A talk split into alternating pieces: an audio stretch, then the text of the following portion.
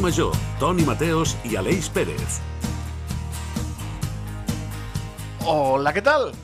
Som els seus amics del carrer Major, les 8 emissores que cada dia s'ajunten per portar fins a casa seva l'actualitat de quilòmetre zero. Avui comencem una mica lluny, ja que una dona italiana ha denunciat els seus dos fills, de 42 i de 40 anys, farta de que visquessin encara a casa seva i, a més a més, no contribuïssin en l'ajuda del dia a dia de la llar. La mama italiana els hi havia dit en diverses ocasions que marxessin de casa, que es busquessin la vida fora. Tots dos tenien feina i un bon sou, però com a casa de la mama en lloc, no? I és que els perles, que són uns perles, a banda d'aprofitar-se de la bondat de la mare, no ajudaven a les feines de casa i no contribuïen amb les despeses típiques, ja saben, l'aigua, el llum, el gas, el menjar, el telèfon... Abans parlàvem amb l'Anna Plaza dels Reis, i això sí que és viure a cos de rei, eh? Finalment, una jutge li ha donat la raó a la senyora. La jutge italiana Caterbi assenyala que tot i que els fills tenen inicialment dret a viure al domicili matern a causa de l'obligació dels pares a mantenir-los, aquest dret, amb 42 anys, ja no es justifica, ja que els homes tenen més de 40 anys i a més a més tenen feina ja no són uns nens. Ara tenen fins al proper 18 de desembre per marxar de casa. Aleix Pérez, espero que tu ajudis a casa dels papes, veritat? Molt bones, Toni. Jo ajudo menys del que m'agradaria. He de fer autocrítica aquí. Hauria d'ajudar més, hauria de treballar més, però sí que intento valorar moltíssim doncs, la feina que fan mons pares, que han fet mons pares mantenir-me tots aquests anys i jo vull pensar que als 40 ja no hauré d'arribar en aquesta situació. Vull pensar. Eh, periodista, no? Sí, crec que sí. Sou de periodista? Sí. Sí, doncs pues continuaràs a casa dels Con- papas.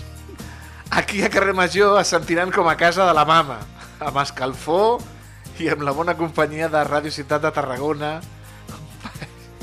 Baix Camp Ràdio, Altafulla Ràdio, On la Torre, Ràdio Montblanc, Ràdio La Selva del Camp, la nova Ràdio de Reus i Ràdio L'Hospitalet de l'Infant. Sí, sou de periodista, Aleix, continuaràs a casa la mama, sí. Efectivament. Fins i tot Potser no, vaig, potser no vaig triar bé la meva feina, jo crec. no, no, ja t'ho dic jo que no. Fins i tot tenim una nonna, una àvia, que és en Iago Moreno, que no, però és la iaia perquè ens cuida molt, molt, molt i espera que tot funcioni perfectament. Benvinguts a casa.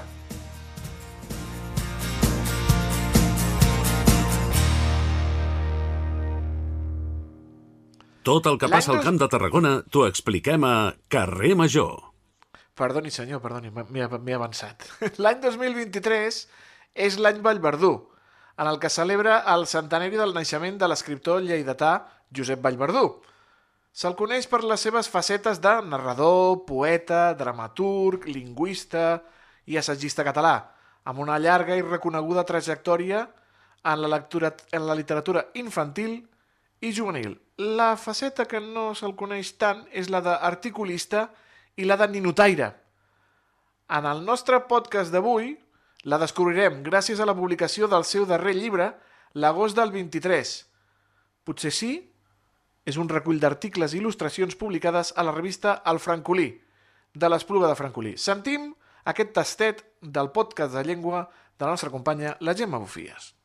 Dia Crític, el podcast de la llengua catalana que posa al punt de mira les fortaleses i les debilitats de la llengua dels països catalans. L'any 2023 ha estat, entre d'altres, l'any Josep Vallverdú, amb la celebració del centenari del seu naixement. El president de la Generalitat, Pere Aragonès, li va atorgar la medalla centenària i l'any Vallverdú ha servit per retre homenatge a un dels escriptors més veterans del nostre país, conegut per la seva tasca de narrador, de poeta, dramaturg, lingüista, traductor i assagista català amb una reconegudíssima trajectòria en la literatura infantil i juvenil. És autor de més de 200 obres.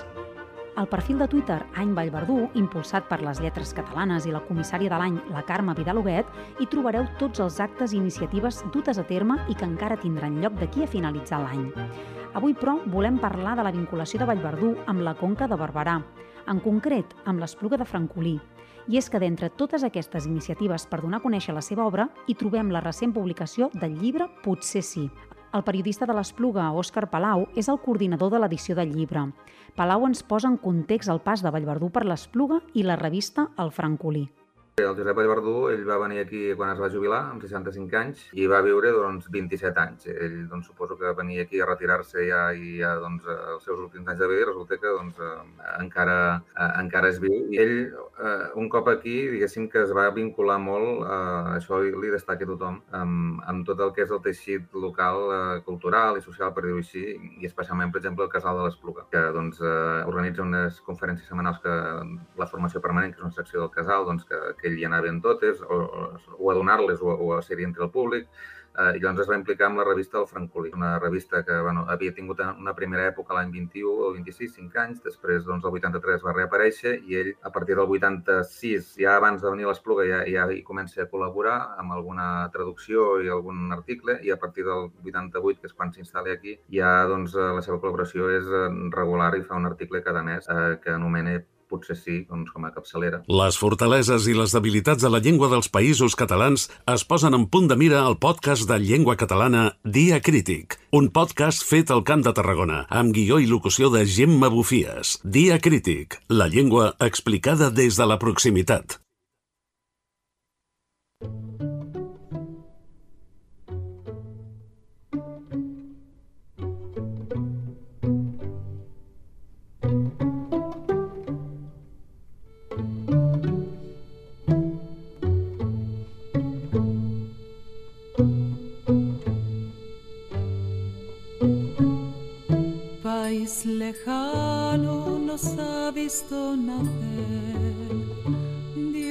Doncs continuem al carrer Major i no deixem l'espluga de Francolí perquè després d'aquest tastet del podcast, on poden escoltar doncs, aquesta història del senyor Vallverdú, aquest eh, recull d'articles i d'il·lustracions publicades a la revista El Francolí, no deixem l'espluga perquè ens centrem en que fa 85 anys es va produir el comiat de les brigadistes dels brigadistes internacionals que van lluitar a la Guerra Civil Espanyola en aquesta localitat tarragonina. Per commemorar aquestes dates s'han organitzat diferents actes des de l'Ajuntament de l'Espluga de Francolí, des de Memorial Democràtic i entitats i particulars que treballen per la memòria històrica.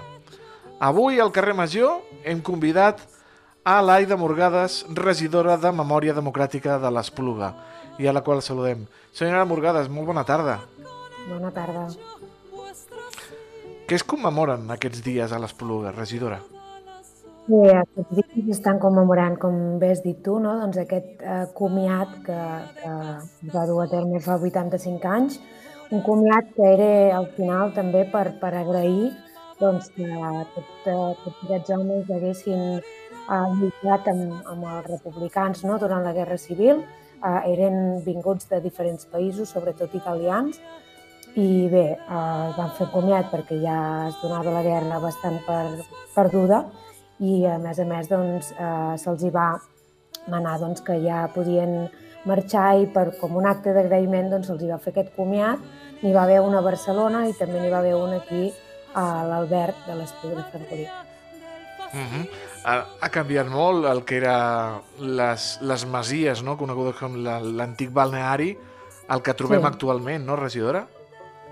Sí, bueno, el nucli en si eh, gairebé hi ha els mateixos edificis. Eh, a més a més, quan veus la foto d'aquest comiat, no, te'n dones compte que el pati i el, bueno, tots els porxos que hi ha a l'alberg i així encara continuen sent el mateix, sí que ha canviat una mica la part de dalt, però eh, és com... O sigui, quan hi vas normalment no hi penses, però quan són dies com aquests, que a més a més doncs, ho decorem una mica també amb banders de la, de la República i també doncs, eh, comences a parlar del tema no? doncs, eh, i veus les fotos, doncs emociona pensar que, que això va passar allí fa 85 anys. Sí, exacte, senyora Morgades, perquè al final també és una mica de memòria històrica, no? Explicar i fer, i fer doncs, una mica de pedagogia, explicar què eren les brigades internacionals a, a les noves generacions, que també 85 anys després és important també fer-ne aquesta, Sí, sí. aquesta difusió a l'Espluga. Sí, és molt important. A més a més, en aquest sentit, el camp d'aprenentatge dels monestirs del Cister que estan ubicats allí mateix, que tenen eh, les aules allí mateix a l'alberg, doncs fan aquesta feina ja des de fa molt de temps. Eh, fan una mica que també diumenge faran dues activitats relacionades amb, amb, aquest, amb això i que eh, ells ja fa temps que, que treballen doncs, amb els instituts i amb les escoles explicant precisament aquest comiat i què va passar eh, fa 85 anys ara allí, però ells ja fa des d'abans del 80è aniversari que, que ja expliquen doncs, a les noves generacions, com deies tu, en aquest cas a nivell més didàctic i educatiu, doncs, eh, què va passar i és un acte de justícia i de memòria. Uh -huh. Un comiat als brigadistes per part del que era llavors president del govern eh, de la República, el Juan Negrín, i també immortalitzat per fotògrafs com el Robert Capa o el Henry Buckley, que me sembla que vostès tenen algunes fotografies en el, en el seu fons, no? Sí, allí, allí mateix a l'alberg hi ha un, una exposició permanent, que hi ha fotografies d'aquestes, i a més a més, eh, l'any passat eh, es va fer el Rock Back Block, que és un artista, eh, va fer doncs, a la paret de, de fora de l'alberg, a la façana, eh, va, una foto que era del Robert Capa, no? com eh, hi ha brigadistes, eh, a la foto es veuen brigadistes no? doncs, eh, fent la salutació en aquest comiat, eh, doncs eh, està immortalitzat en un mural eh, fora de l'alberg, a la façana, que quan passes per allà davant amb el cotxe doncs, també és molt imponent perquè ocupa eh, que, que, bueno, mitja, mitja façana, però és que eh, fa, va de dalt a baix, saps? I, i la veritat és que el Rock Back Block eh, va fer un treball impecable i també estem molt orgulloses de, de, que, de que aquest mural estigui allí en, en, a la façana de l'alberg, perquè eh, potser la gent que no s'ha informat que dins hi ha una exposició o que allò va passar allí, només en veure el mural ja et pares i allí fora mateix doncs, hi ha un, també hi ha un, uh, diferents fotografies amb un plafó que ja expliquen una mica doncs, el, que, el que va passar. Llavors t'inviten a entrar dins, no? I ni que no sàpiguis el què, només passant per allà amb el cotxe, aquest mural ja et crida l'atenció i fa doncs, que sigui uh, més present uh, i, i que sigui visualment uh, molt evident no? doncs, que allí va passar alguna cosa. Uh -huh. la, la fotografia és, és mítica, la fotografia del Robert Capa, aquell soldat fent la salutació amb, amb el puny així al, uh -huh. a, fent la salutació, però va succeir allà a, a, a l'Espluga, va ser el comiat de l'Espluga, no? Sí, sí, sí, de fet a dins que, que hi ha diferents fotografies a l'exposició que hi ha permanent dins d'un porxo, eh, hi ha diferents fotografies i aquesta també, la que hi ha després eh, al mural de fora, doncs també també s'hi troba. Jo li volia preguntar també per les activitats que arrenquen precisament avui, no? Què, què, què, pot, què pot esperar la gent que, que faci cap a l'Espluga avui mateix? Mira, avui a les 7 comencem amb la conferència que, que, li han, que anomenem Arreu del món, eh, perquè les brigades internacionals sí que van estar aquí a l'Espluga, però van lluitar en diferents llocs més de, de, de, de la península, Eh, llavors, doncs, hi han dos historiadors i també el, un dels docents d'aquest de, camp d'aprenentatge que són els que ens parlaran no? de, tant de, la, de les brigades internacionals, de l'objectiu i del que van venir a, a fer el, a la Guerra Civil i també doncs, eh, explicar més doncs, eh, per què es va produir el comiat aquest aquí al, a l'alberg i una mica doncs, el que va passar aquell dia. Llavors, si voleu, continuo explicant actes o... No, no, no, no, no. anava a dir que l'acte d'avui és fantàstic. A més a més, hi ha l'historiador salvatà, l'Axel Baget, o sigui que ja la cosa serà... Sí. Ja, ja, no, ja, no podem, ja no podem demanar més. Això serà aquesta tarda, però eh, diumenge hi han més actes, no, regidora?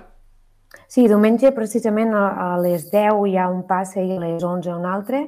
Els, els docents doncs, del camp d'aprenentatge fan aquests dos, aquests dos passes explicant doncs, tant a famílies, eh, està molt pensat també per fer-ho amb, amb família, amb, amb canalla, doncs es fa aquest passeig per la memòria, eh, anomenat el comiat, que, que explicaran doncs, els docents. A més a més, ells tenen diferents, eh, diferents articles i diferents coses que es van anar trobant d'aquest comiat que van explicant també uh, doncs el que, el que o, sigui, diguem, ho posen per diferents llocs i tu vas fent el recorregut.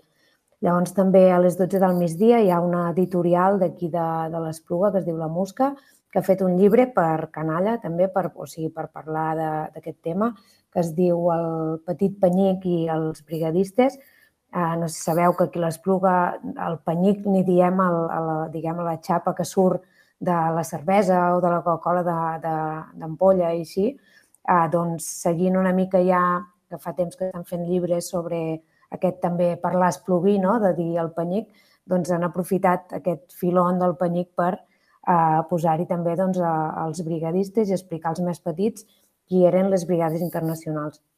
I per acabar, doncs, a les 5 de la tarda del diumenge, ve la, també l'honorable consellera de Justícia, la senyora Gemma Ubasar, i farem doncs, l'acte més institucional, que també doncs, eh, vindran eh, de la Federació doncs, Internacional de Resistents i també de l'Amical de les Brigades Internacionals, eh, doncs, que, que venen de Barcelona, que hauran fet un acte al matí també i acaben els actes d'aquests dies de commemoració també dels 85 anys aquí amb aquest, amb aquest acte eh, institucional que es faran doncs, parlaments eh, tant d'autoritats com també de membres doncs, de la Federació de Resistents i també d'Itàlia i d'aquí de, dels amics de, bueno, de l'amical d'aquí de les Brigades Internacionals de Catalunya.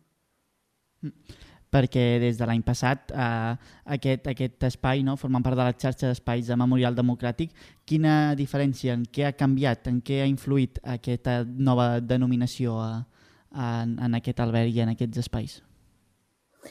Bé, ha canviat molt a nivell, com dèiem abans, d'aspecte físic a l'alberg, doncs perquè tant eh, ho pots eh, doncs ja veure a la façana, el que dèiem aquesta foto del, del Robert Capa, i també doncs, eh, Ara tenim diferents projectes sobre la taula eh, doncs per seguir amb la senyalització que faríem doncs, des de la nacional fins a dins de la població, fins a les masies, doncs per marcar tot el recorregut no? que, perquè tu, bueno, es pugui fer, però anant marcant el recorregut doncs, també que van fer les brigades fins a arribar a l'alberg. Aquest és un projecte que tenim eh, sobre la taula i que quan puguem executar-lo doncs el farem, però eh, l'antic, eh, bueno, el que era fins ara regidor de Memòria Democràtica, l'Enric Mercader, en aquest sentit va fer molta feina perquè en aquests últims quatre anys ha passat de l'Albert doncs, aquí el camp d'aprenentatge feia aquesta feina, però ara, doncs, a més a més, eh, eh, doncs, hi ha aquesta cosa més visual no? de tenir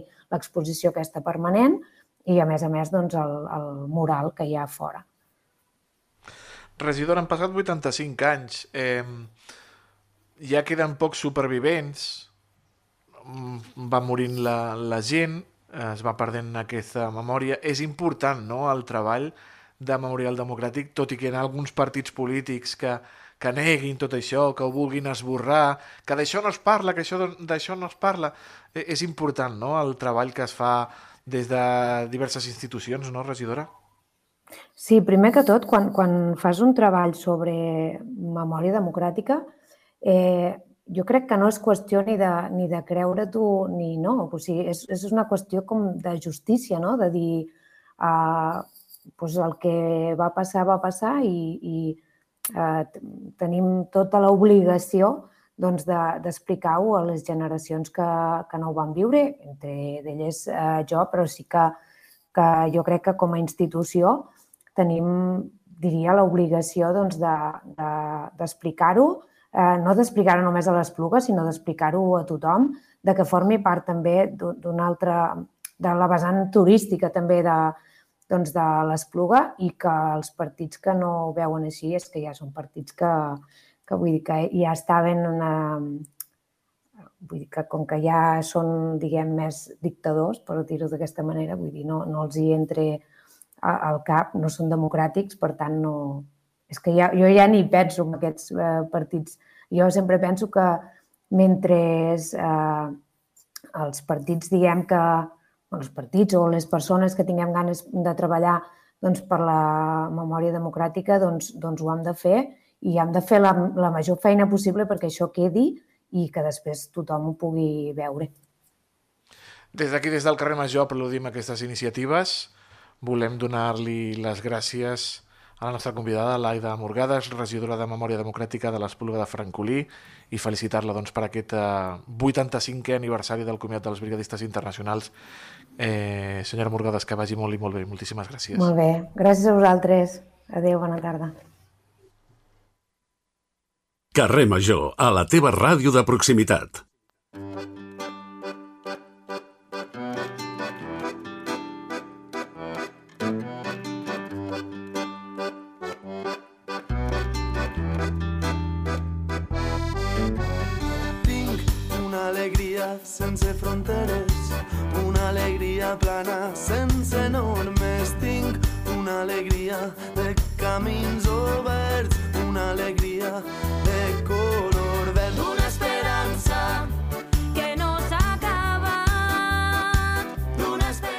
Doncs eh, continuem aquí al carrer Major, ja tenim el nostre... Jo per preguntar, Jordi, bona tarda. Bona tarda. Eh, tu fas Krav Maga? Sí, sóc instructor de Se't cremar. veu més fort que el vinagre, eh? De cooperativa. El vinagre de cooperativa, eh? No és el mateix que el vinagre de, eh? de, de botiga, és el de cooperativa, que és més bo. M'ha- M'has de convidar un dia a, pra- a practicar Krav Maga, I eh? tant, clar que sí. Nosaltres I tant. Entre el curs d'instructor torni, i eh? Pensa que el Krav Perquè Maga és... torni un- viu, eh? Que... de- No, home, Ah, que tornaré viu, home. Sí, home, sí. Hem d'aplicar la legítima defensa, hem de, fer, hem de ser correctes. Només serveix per a defensar-se, no per atacar. Un dia parlarem del Krav Maga, però avui no. Un dels problemes que treu la zona a molts és l'ocupació il·legal. No parem de veure anuncis per televisió de famosos que recomanen compra este alarma para que no t'ocupen tu primera vivienda o la segunda residencia. Bien, o casos, cada vegada sentim també més casos de va baixar a comprar el peix i al tornar ja li havien ocupat la casa. Són certs, de veritat? Què podem fer si ens passa això? Doncs per resoldre els dubtes, doncs tenim la visita del nostre Da Vinci del segle XXI, el nostre criminòleg preferit, en Jordi Palau. Jordi, de veritat, són exagerades aquestes notícies de va baixar a comprar, va estar dos dies a l'hospital i quan va tornar es va trobar allà que hi havien sis persones ocupant casa seva. Fixa't que tu ja mateix ho has dit, eh? Veiem les notícies, veiem els mitjans de comunicació i som bastant sensa sensacionalistes, eh? Ens agraden molt les notícies aquestes sensacionalistes de que hem baixat a comprar el pa i ens han ocupat la casa.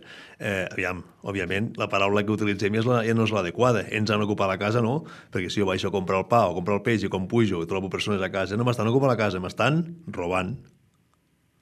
Vale, vale, Sí? però els, els podem fer fora, no? No, jo és que sóc de... No, no, escolta'm. Home. Eh, què fa vostè a casa meva? Exactament, és que el problema que tenim és que ara eh, la gent, com que ens hem empapat tant de les notícies aquestes, de les llegendes urbanes que surten pels mitjans de comunicació, que cap a la fi només és per sensacionalisme i per a per imposar més por a la societat, que ja bastant en tenim, doncs llavors ara li diem tota ocupació. No, eh, hem de, tenir en compte de que si jo, per exemple, veig damunt del, de, dintre del meu cotxe una persona, a què no li diré m'està ocupant el cotxe? Diré que està robant el meu cotxe. Si vaig pel carrer i quan vaig a, vaig a buscar el meu cotxe i obro i un senyor dormint dintre el meu cotxe o simplement assegut dintre el meu cotxe, entendré que, que m'està robant, no? El mateix si vaig a casa.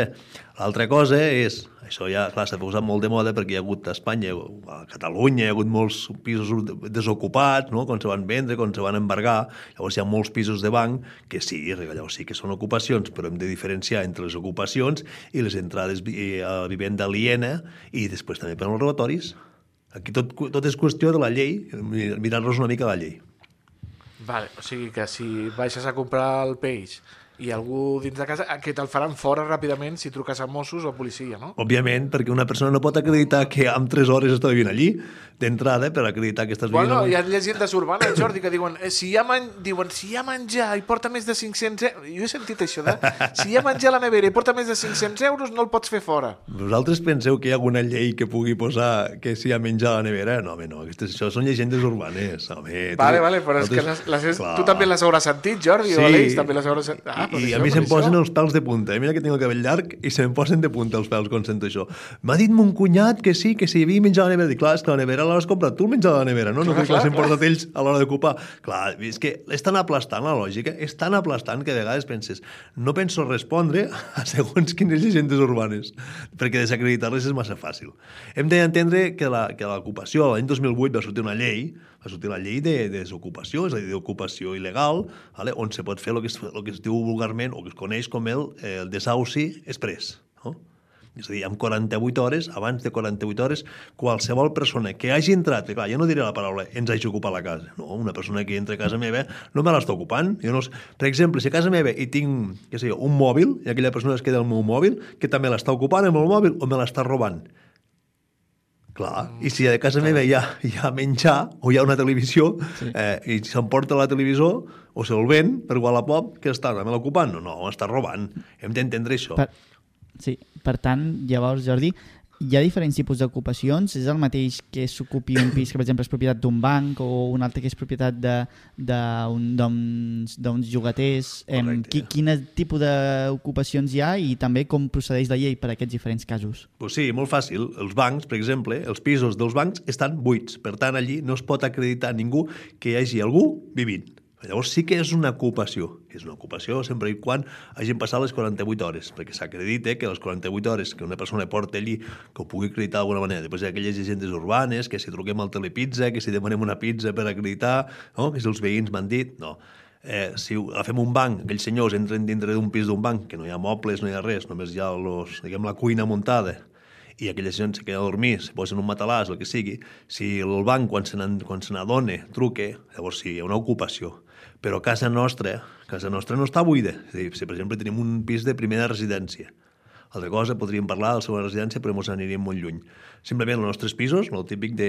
Ara jo mateix estic a la ràdio i si algú està entrant a casa meva, quan jo arriba, no me l'està ocupant, està robant, està fet una entrada a vivenda aliena. No pot acreditar que està vivint allí. El que puc acreditar que estic vivint allí sóc jo perquè el meu DNI hi posa la meva adreça. Ah que sí?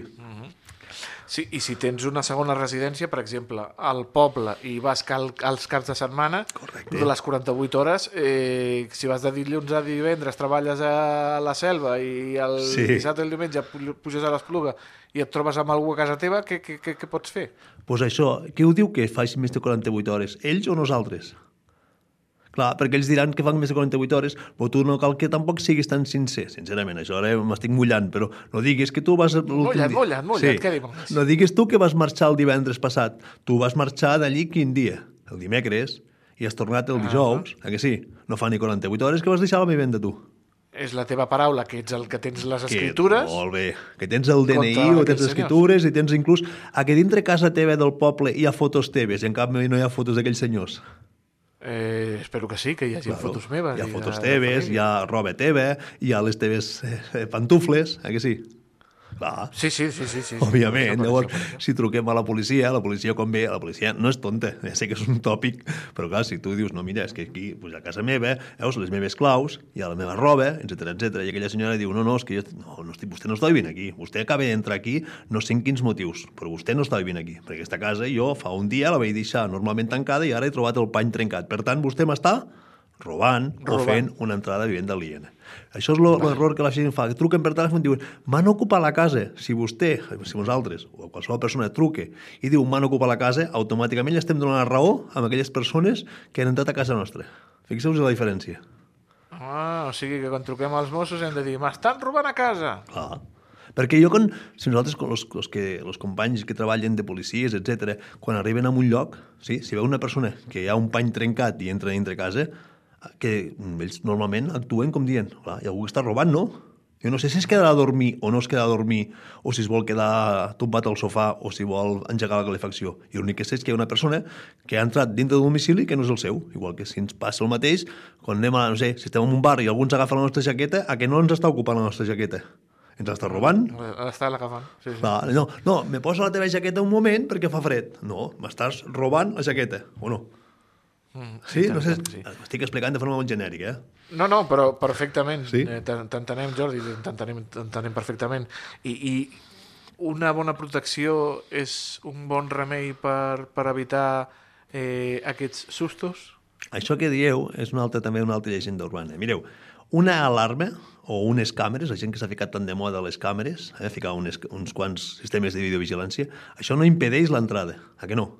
És a dir, si jo em poso la caputxa i em fico una, una, una mascareta, eh, de què em serveix? No sabrem qui ha entrat a casa meva, per molt que ho vegi amb el telèfon mòbil mirant allí a través de l'aplicació.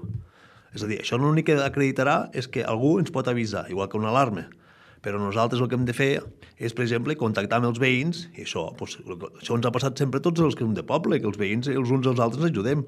Si vivim en una gran ciutat, doncs el mateix, podem dir-los als nostres veïns, mira, estaré uns quants dies fora, si veus algun moviment a casa meva, que sàpiguis que no hi soc, llavors truca tu mateix, o em truques a mi, i jo truco als Mossos des de qualsevol lloc. És que potser a vegades el que ens falta és informació. Estem sobrepassats de desinformació i ens falta informació perquè, Jordi, jo et volia preguntar, per exemple, en el cas en el que es, es, es fa una ocupació no? i hi ha unes persones ocupant, i, i, i hi ha diferents tipus d'ocupacions, òbviament, depenent de, de la gent. Però si és una cosa problemàtica, si és una ocupació problemàtica, per mm. exemple, què han de fer les comunitats de veïns o la gent que dia rere dia ha d'estar convivint amb gent problemàtica? Aquí el problema que hi ha és que les, les comunitats de veïns normalment el que els passa, suposo que el que m'estàs preguntant és, es troben que en una comunitat de veïns hi ha un, un, un immoble, un pis, vale, que està ocupat i clar, aquest pis normalment és del banc, i com que el banc, diguem que no fa les denúncies corresponents ni tampoc té cap problema, els veïns se senten repercutits a l'hora de pagar la, pagar l'escala, pagar les, la comunitat, la brutícia, els problemes de convivència, etc etc. Llavors, diguem que ells no es poden personar com a, com a part implicada o com a víctimes. Ells se poden presentar com a víctimes, pues això, d'insalubritat, de, de problemes veïnals o inclús de, de, de les ordres municipals, no? de les ordenances municipals de convivència convivència. Per exemple, si una d'aquesta gent pues, fan soroll, pues, no sé, pues, no tenen els nens escolaritzats, qualsevol cosa. El que passa és que, clar, el problema que tenim és que es barreixen dos conceptes, que és que el banc li és igual, li és igual si està ocupat o no està ocupat. Mentre no vengui aquella casa, el banc no es preocupa, som els veïns els que s'han de preocupar. Llavors, els veïns són els primers que tenen que fer això. Si veuen abans de 48 hores algú que ha entrat, trucar als Mossos d'Esquadra i no dir estan ocupant la casa, sinó que estan entrant a robar en aquella casa, perquè igual en aquella casa encara queda un calefactor o queda un, eh, una cuina, o que deus mobles, igual s'emporten els mobles, estan intentant robar. M'explico? Mm -hmm. I tant, i tant que sí. I Jordi, per finalitzar, què penses d'aquestes empreses? Desocupa aquesta gent que diuen, sí, sí, nosaltres ho solucionem això. Doncs pues molt fàcil.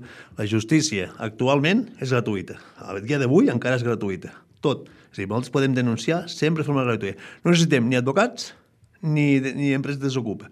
Llavors, el problema és que la desinformació fa que ens hàgim de gastar 3.000, 4.000, 5.000, 10.000 euros en recuperar una cosa que estem pagant una hipoteca, sincerament. Eh, pot ser que ens informem abans de començar a gastar-nos els diners, perquè les empreses aquestes viuen de la ignorància. Doncs mira, de la ignorància que viuen aquesta gent de Desocupa, mm. i avui ens ha aclarit eh, molts eh, dubtes, moltes preguntes i, i moltes eh, qüestions al nostre Da Vinci del segle XXI, el Jordi Palau, el nostre criminòleg preferit d'aquí de, del carrer Major. Tornem a parlar amb tu d'aquí 15 dies, Jordi, com sempre, un plaer. Moltíssimes gràcies, una abraçada. Queda pendent la classe de Krav Maga, eh? Recorda't? Vulguis, quan vulguis. una abraçada, Jordi. Una abraçada, salut. Estàs escoltant Carrer Major.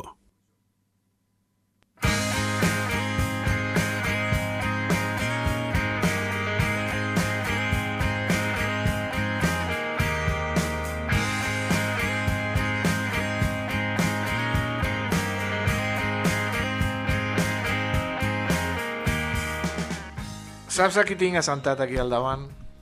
Crec Aleix? que he compartit moltes hores aquestes últimes, aquesta última setmana i poc amb ell. Ah, sí? Crec que sí. Radiofòniques. Efectivament. Hola. L'Antonio Mellado, bravo, bravo! Què tal, Antonio? Què tal? Com estàs? Bé, molt bé. A punt de començar la Fira de la Selva. Uh, falten literalment un quart d'hora per començar Ostres. ja els actes de la Fira, o sigui que jo quan acabi els tonis me'n vaig entrevistar a un humorista. En Peyu? En Peyu. En Peyu, que vull el Peyu. Sí, a veure sí, què sí. ens ha d'explicar. I emprenedor, eh? Humorista i emprenedor. Té formatges i, i cabres. Increïble, increïble. I tant. Però avui no venim a parlar no. d'això, Aleix. No venim a parlar ni de formatges ni de cabres. Eh, venim a parlar de coses molt diferents. Oi que sí, Antonio? Sí, influencers. Influencers. Ai, Ai. aquest nom que està en boca de tothom, no? Ai, però influencers especials, ja veuràs. Sí. I és que és una realitat que doncs, avui dia les influencers eh, mouen molts diners i treball eh, en comunicació i màrqueting que exerceixen, doncs, té la seva recompensa final de mes. És una professió de la qual es pot viure molt bé, però clar, has de tenir el suficient nombre de seguidors i també doncs, una mica de caixet per poder generar aquestes quantitats de diners. Cada vegada són més les persones, Aleix, que volen treballar en aquest món, i no és per a menys, veient el que generen Però no és tan fàcil arribar a l'èxit del món de les xarxes socials. No és fàcil ser una Jessica Goicoechea, una Maria Pombo, una Dulceida o una Laura Escanes, entre d'altres, que han hagut de generar molt de contingut per arribar fins on estan. Sí, avui ens ha sorprès una notícia d'una Instagramer anomenada Aitana, que guanya 4.000 euros al mes Bé, molt bé, publicant stories amb torrades d'albocats, posant amb looks de roba interior, roba d'esport o d'estar per casa. És a les xarxes fit barra baixa Aitana. Sí, sí. Amant del gaming, del fitness, cosplay lover, resumeix el seu Instagram. Ha acumulat 87.000 seguidors en tot just fa 4 mesos, que dius tu, molt bé, molt bé. Mhm. Rep uns 500 missatges directes al dia, alguns eh, amb propostes, algunes honestes, on la conviden a esdeveniments d'influencers, i d'altres de deshonestes, doncs, on li conviden a altres coses. Però és model i instagramer i no existeix. Sí, sí, tal com he escoltat. No existeix. Oh, oh! No, no és una, Quin és una. No, eh, no és una noia real, eh? És una intel·ligència artificial. Aitana, creada per un estudi de disseny amb mides perfectes, somriure perfecte, mirada angelical i cabell de color rosa, Oh. no existeix, no. No.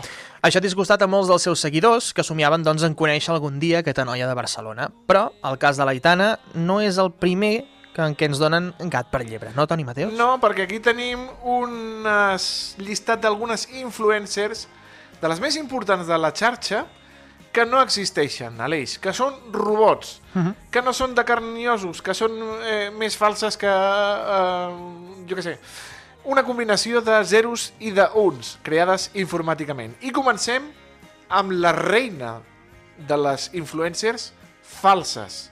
És la Lil Miquela, meitat brasilera, meitat espanyola, Miquela Souza, de 19 anys, té 1,8 milions de seguidors a Instagram i, a més a més, canta la Miquela. Sí, de fet, es va fer viral a Spotify amb el seu single Mine. Va ser una de les convidades d'honor en l'última edició de Coachella, un dels prestigiosos festivals de música del món, on fins i tot va entrevistar diversos artistes a l'escenari, però de manera virtual, eh? perquè recordem que Lil Miquela no existeix, és mentida. És de mentida. Uh -huh. Entre les seves gestes està doncs, haver protagonitzat un polèmic anunci al costat de la model la Bella Hadid, desfilar i posar per Calvin Klein, també ha estat tatuada pel mateix artista que va ta- ta- tatuar a la Miley Cyrus, però de mentida, i s'ha fotografiat amb la Rosalia, tra, tra, però també de mentida.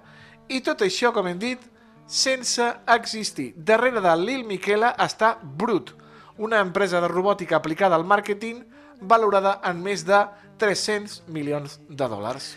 Un altre amb un bon nombre de seguidors és la Imma, o coneguda com a Imma Gram. Té prop de 400.000 seguidors a Instagram i s'ha convertit en una gran sensació pel seu estil únic que combina l'estètica d'una model japonesa amb, amb la d'una estrella del, Probant, probant, probant, probant, què tal? amb la del K-pop eh, o pop coreà. Eh, no tengo la convidada encara. Molt maca, amant dels gats i del sushi, però no la busqueu pel Japó, Ah, vale. perquè no, Jo està creada per una IA. no. No, exacte, no la busqueu pel Japó i tampoc busqueu el Miquel Llauria. Creada per Modeling Café, experts en CGI que han treballat per Final Fantasy i Zelda Breath of the Wild i dotada d'un realisme superior al de la resta. La Ima s'ha convertit ràpidament en una model virtual fetitxe per a totes les marques. Clar, eh, si darrere hi ha una gent tan preparada com la de Breath of the Wild o Final Fantasy, mm. és normal que ens arribin a confondre i que pensem que sigui una persona real. Però no, com hem dit, és falsa. Sí, seguim amb més influencers que no són reals, com el cas de la Bermudes, Bermuda Dice Bay. Si pensaves que l'única cosa que fan les influencers virtuals és fer-se fotos i ser boniques, la Bermuda et farà canviar d'opinió. És polèmica pels seus orígens com a defensora de Donald Trump i negacionista climàtica. Ah. Ha d'haver-hi de tot, eh? A la vinya Sí. del senyor. I fins i tot en el món fals, I també. tant. Bermuda va saltar a la fama quan el 2017 va hackejar el compte de Lil Miquela, la robot més coneguda de la que hem parlat fa una estona. Sí, alguns es van arribar a creure la història oficial sobre Kane Intelligence, una empresa adversària de Brut, creadors de la Miquela, que havien llançat un atac informàtic contra eh, Brut i contra la Miquela, contra aquesta superestrella CGI. Però, igual que les protagonistes, tot va resultar ser mentida. Era una maniobra de màrqueting que va funcionar molt i molt bé i que va fer que Bermuda, la fan de Donald Trump, tingui ara 200.000 seguidors a l'Instagram. Ostres, mentida sobre mentida. És com a Mentida sobre la... mentida, o sigui... Meta, la meta mentida, eh? Ah, exacte, sí, sí. I acabem la secció parlant-vos de Shudu, considerada la primera supermodel virtual. El seu realisme és tan sorprenent que li ha valgut a tancar contractes amb Balmain, Fenty, Louis Vuitton o Tiffany's, entre altres marques, eh? Ojo! Té 241.000 seguidors a Instagram a dia d'avui i és una model de raça negra, orgullosa de les seves arrels, que no dubta a posar doncs, en vestits típics de l'Àfrica. Orgullosa no ho sabem si ho és, No. perquè és mentida. És mentida, Com és- estem parlant avui, no? Orgullosa l'han creat així. El creador de Shudu és el fotògraf Cameron James Wilson, que ha comentat obertament que la pàgina d'Insta de la, de la Shudu i el seu treball amb ella és part per la, del seu treball de recerca en el món del 3D. Mm. Com no podia ser d'altra manera, la Shudu té nuvi. Oh! Tan maco, oh. Tan afro oh. i tan virtual com ella. Sí. Es diu Coffeegram i també té perfil d'Instagram on comparteixen fotos tots dos junts i allò de eh, som uh, Black Power i vinga, però de veritat no, no si, hi ha, si hi ha tanta gent intentant ser de carn i ossos, intentant ser famós, ara només faltava que ens posessin influencers virtuals. Ara sí que ja la batalla està més que servida. Ah, Eh? està més que perduda. Antonio, gràcies, bon cap de setmana, bona fira. Igualment, Toni. ens veiem, ens veiem aquest cap de setmana, ens, no? Ens veiem, sí, ens veiem per la fira. Una Aleix, una abraçada. Gràcies, Adéu, Antonio. Antonio. Vagi bé, ens veiem.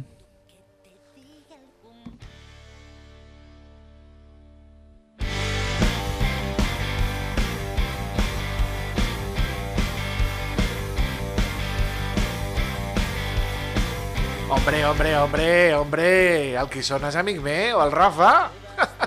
És...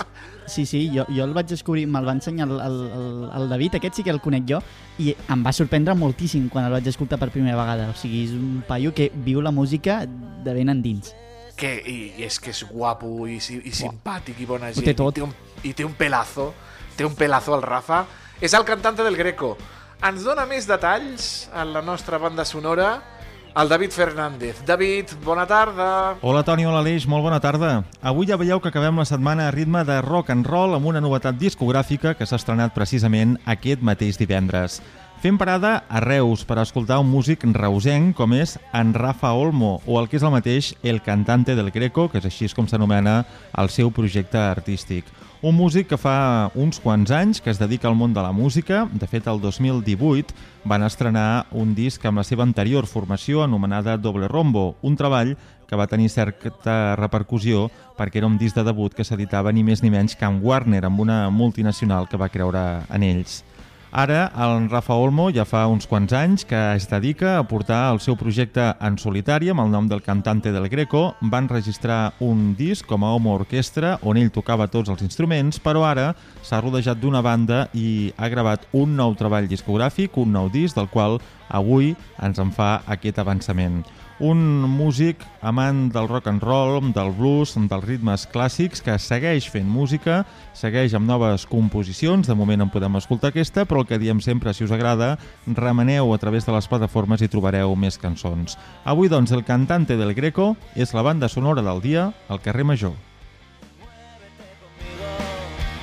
Que gran, que gran el David Fernández i que gran el Rafa Olmo, el cantante del Greco, que a més a més va formar part d'una banda amb un noi que viu a la selva. És que, és que tot està Sí. lligat, tot està lligat. Els doble rombo, que ho van patar els doble rombo també.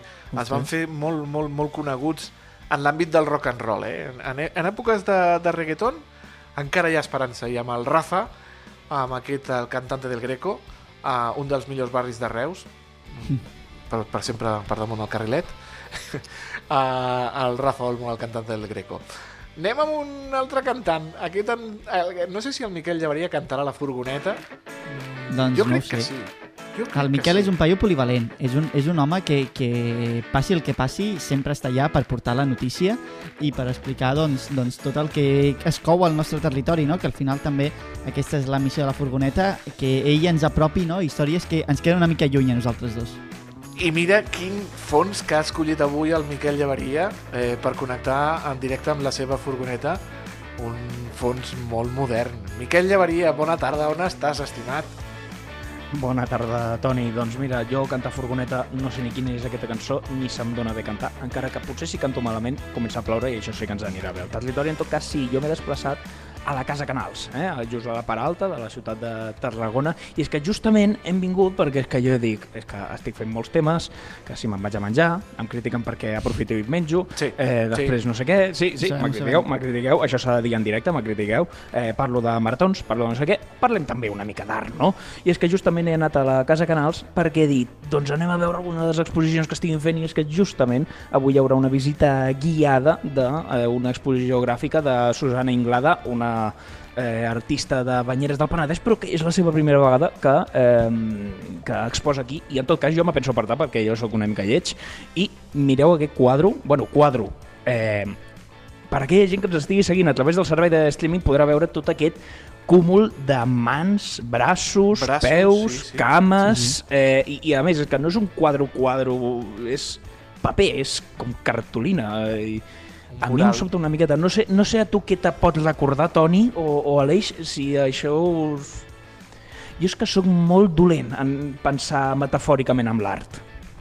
A mi em recordo una pel·lícula, eh, no recordo quina, no recordo el nom de la pel·lícula, però que havien d'escapar de- de- d'un com una espècie de paret de braços i, i, i aquests braços així de colors m'ha recordat aquella escena de la, de la pel·lícula. No, ara no recordo quina pel·lícula és. Pel·lícules de terror, ja que estem a prop de Halloween, pel sí, que sí, veig. és, és terror, és terror. I ha de fugir eh, eh, així escalant en, en, per aquestes parets de braços i, i molt interessant aquesta, aquest, aquest quadre de la- de l'artista Susana Inglada, has dit, no?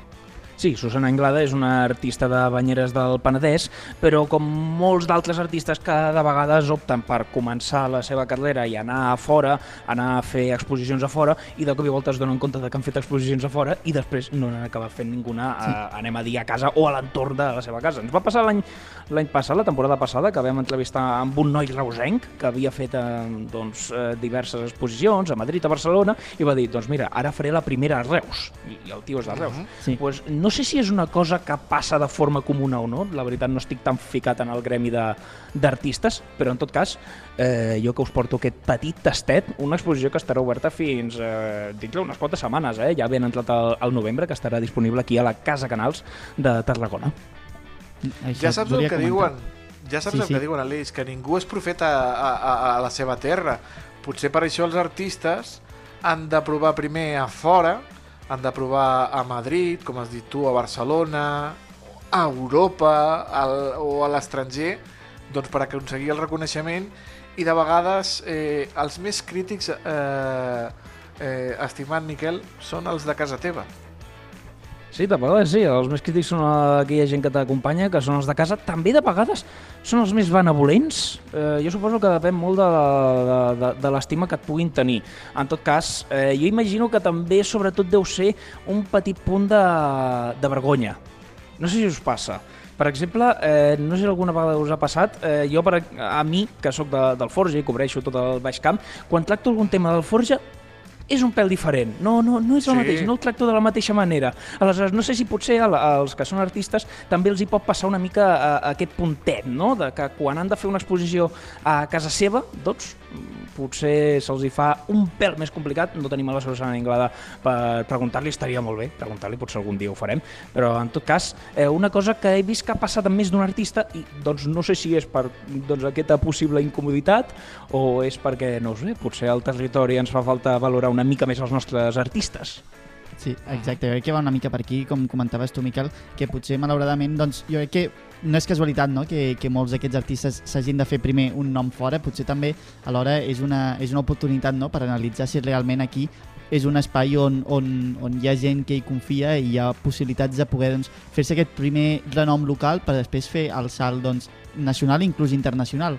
Potser alguna cosa doncs, hem de millorar si realment eh, primer es coneixen més fora que a casa nostra i de fet la Casa Canal jo crec que és un espai no, que intenta trencar a poc a poc com altres espais que hi ha aquí al Camp de Tarragona aquesta, aquests espais, no, aquests petits llocs on realment doncs, sí que hi apostin i confin i que, que és molt important no, que s'obri com en aquest cas la, la Casa Canal a, a, fa amb aquest artista i amb altres activitats també.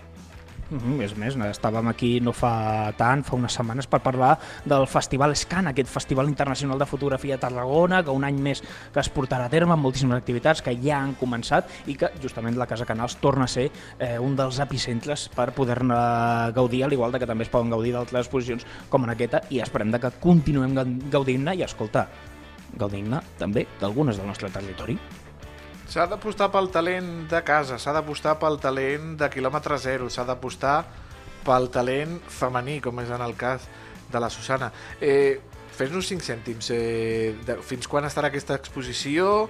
Quantes obres ja has pogut veure tu més o menys? Eh, Aleix, que, que és, que, fins quan podrem gaudir aquí a la Casa Canal? Aleix o Miquel? Eh, Miquel, perdona. Home, Miquel, si vols Miquel. responc jo, però, però crec que, crec que m'equivocaré. que, el- que respongui el Miquel, que, que, que està ell allà en directe amb la unitat mòbil. Ara mateix, mira, justament m'estava veient el, el número del dia que estarà, era crec que un 20-20-24 de novembre, me sembla, ara, ara no el recordo exactament quin era justament el dia exacte, però estarà fins ben entrat en novembre, així que la gent que ens pugui estar escoltant eh, té, té unes quantes setmanetes per poder vindre a veure aquesta exposició, que jo l'únic que puc dir és que impressiona, perquè quan l'he vist en imatges, no? per, per internet, allò que busques una miqueta, t'impressiona els colors, el dibuix, però veure-ho amb aquest format així en paper, amb una certa part de, de, de, de, volum, saps? Perquè no és simplement una imatge eh, en 2D, sinó de que també en, el, en algunes de les obres busca una mica de volum, algunes obres que estan penjades de, del sostre, a mi com a mínim mm, m'ha tret l'atenció, no? perquè no és la, una exposició gràfica o, o, o artística qualsevol en què les imatges simplement estan en un quadre. A mi, la veritat, no sé, no sabria com descriure-la, però sens dubte no m'ha deixat indiferent. Eh, perdona, Miquel, però per Ciència Infusa eh, m'ha vingut la, la data en la que l'últim dia en la qual eh, la gent podrà visitar aquesta exposició serà el 12 de novembre, que serà la data final en la Veus? qual Havia- podran... Hi havia un dos, hi havia un dos, però Exacte. estava al darrere. Molt bé. Exacte, de la tarragonina Susana Inglada, que també he vist ara que ha fet carrera també per Bèlgica, ha rebut diferents premis, també va estar al Guaix Corneri de Pintura, també al Premi Generaciones, realment és, és un artista no? que, que malauradament ens, ens, potser a vegades en, ens sonen massa poc, no? o sonen massa poc aquest, aquests noms d'aquests artistes al, al territori. Doncs per això Potser està la ens, furgoneta. ens toca fer feina. Per això està la furgoneta, per acostar-nos cada dia l'actualitat de diferents punts del Camp de Tarragona, però a les 8 emissores que fem possible aquest, aquest programa. Amb el Miquel Llevaria, que ja ho saben, avui està a la Casa Canal de Tarragona, amb aquesta exposició de l'artista Susana Inglada, que estarà fins al 12 de novembre. Podran veure aquest mar de braços i d'altres eh, obres d'aquesta artista del Camp de Tarragona. Miquel, que tinguis un molt bon cap de setmana, amic. Disfruta. Vinga, ens veiem la setmana vinent. Una abraçada, Miquel. Adéu. I a tots vostès també, amics i amigues, que tinguin un molt bon cap de setmana, que disfrutin. Recordin, eh, recorda també, Aleix, el diumenge a les 3 són les 2. Hem Sí. de tirar enrere. Ara els telèfons mòbils ho fan. Ja no val aquella excusa de jefe, m'he dormit, m'he dormit. No, no, el telèfon mòbil, que és el nostre despertador, eh, ho fa automàticament. I nosaltres tornarem dilluns a partir de les 4 en la seva emissora de confiança, la de prop, la de casa, aquí, al carrer Major. Bon cap de setmana a tothom, que vagi molt i molt bé. Adeu. Adéu.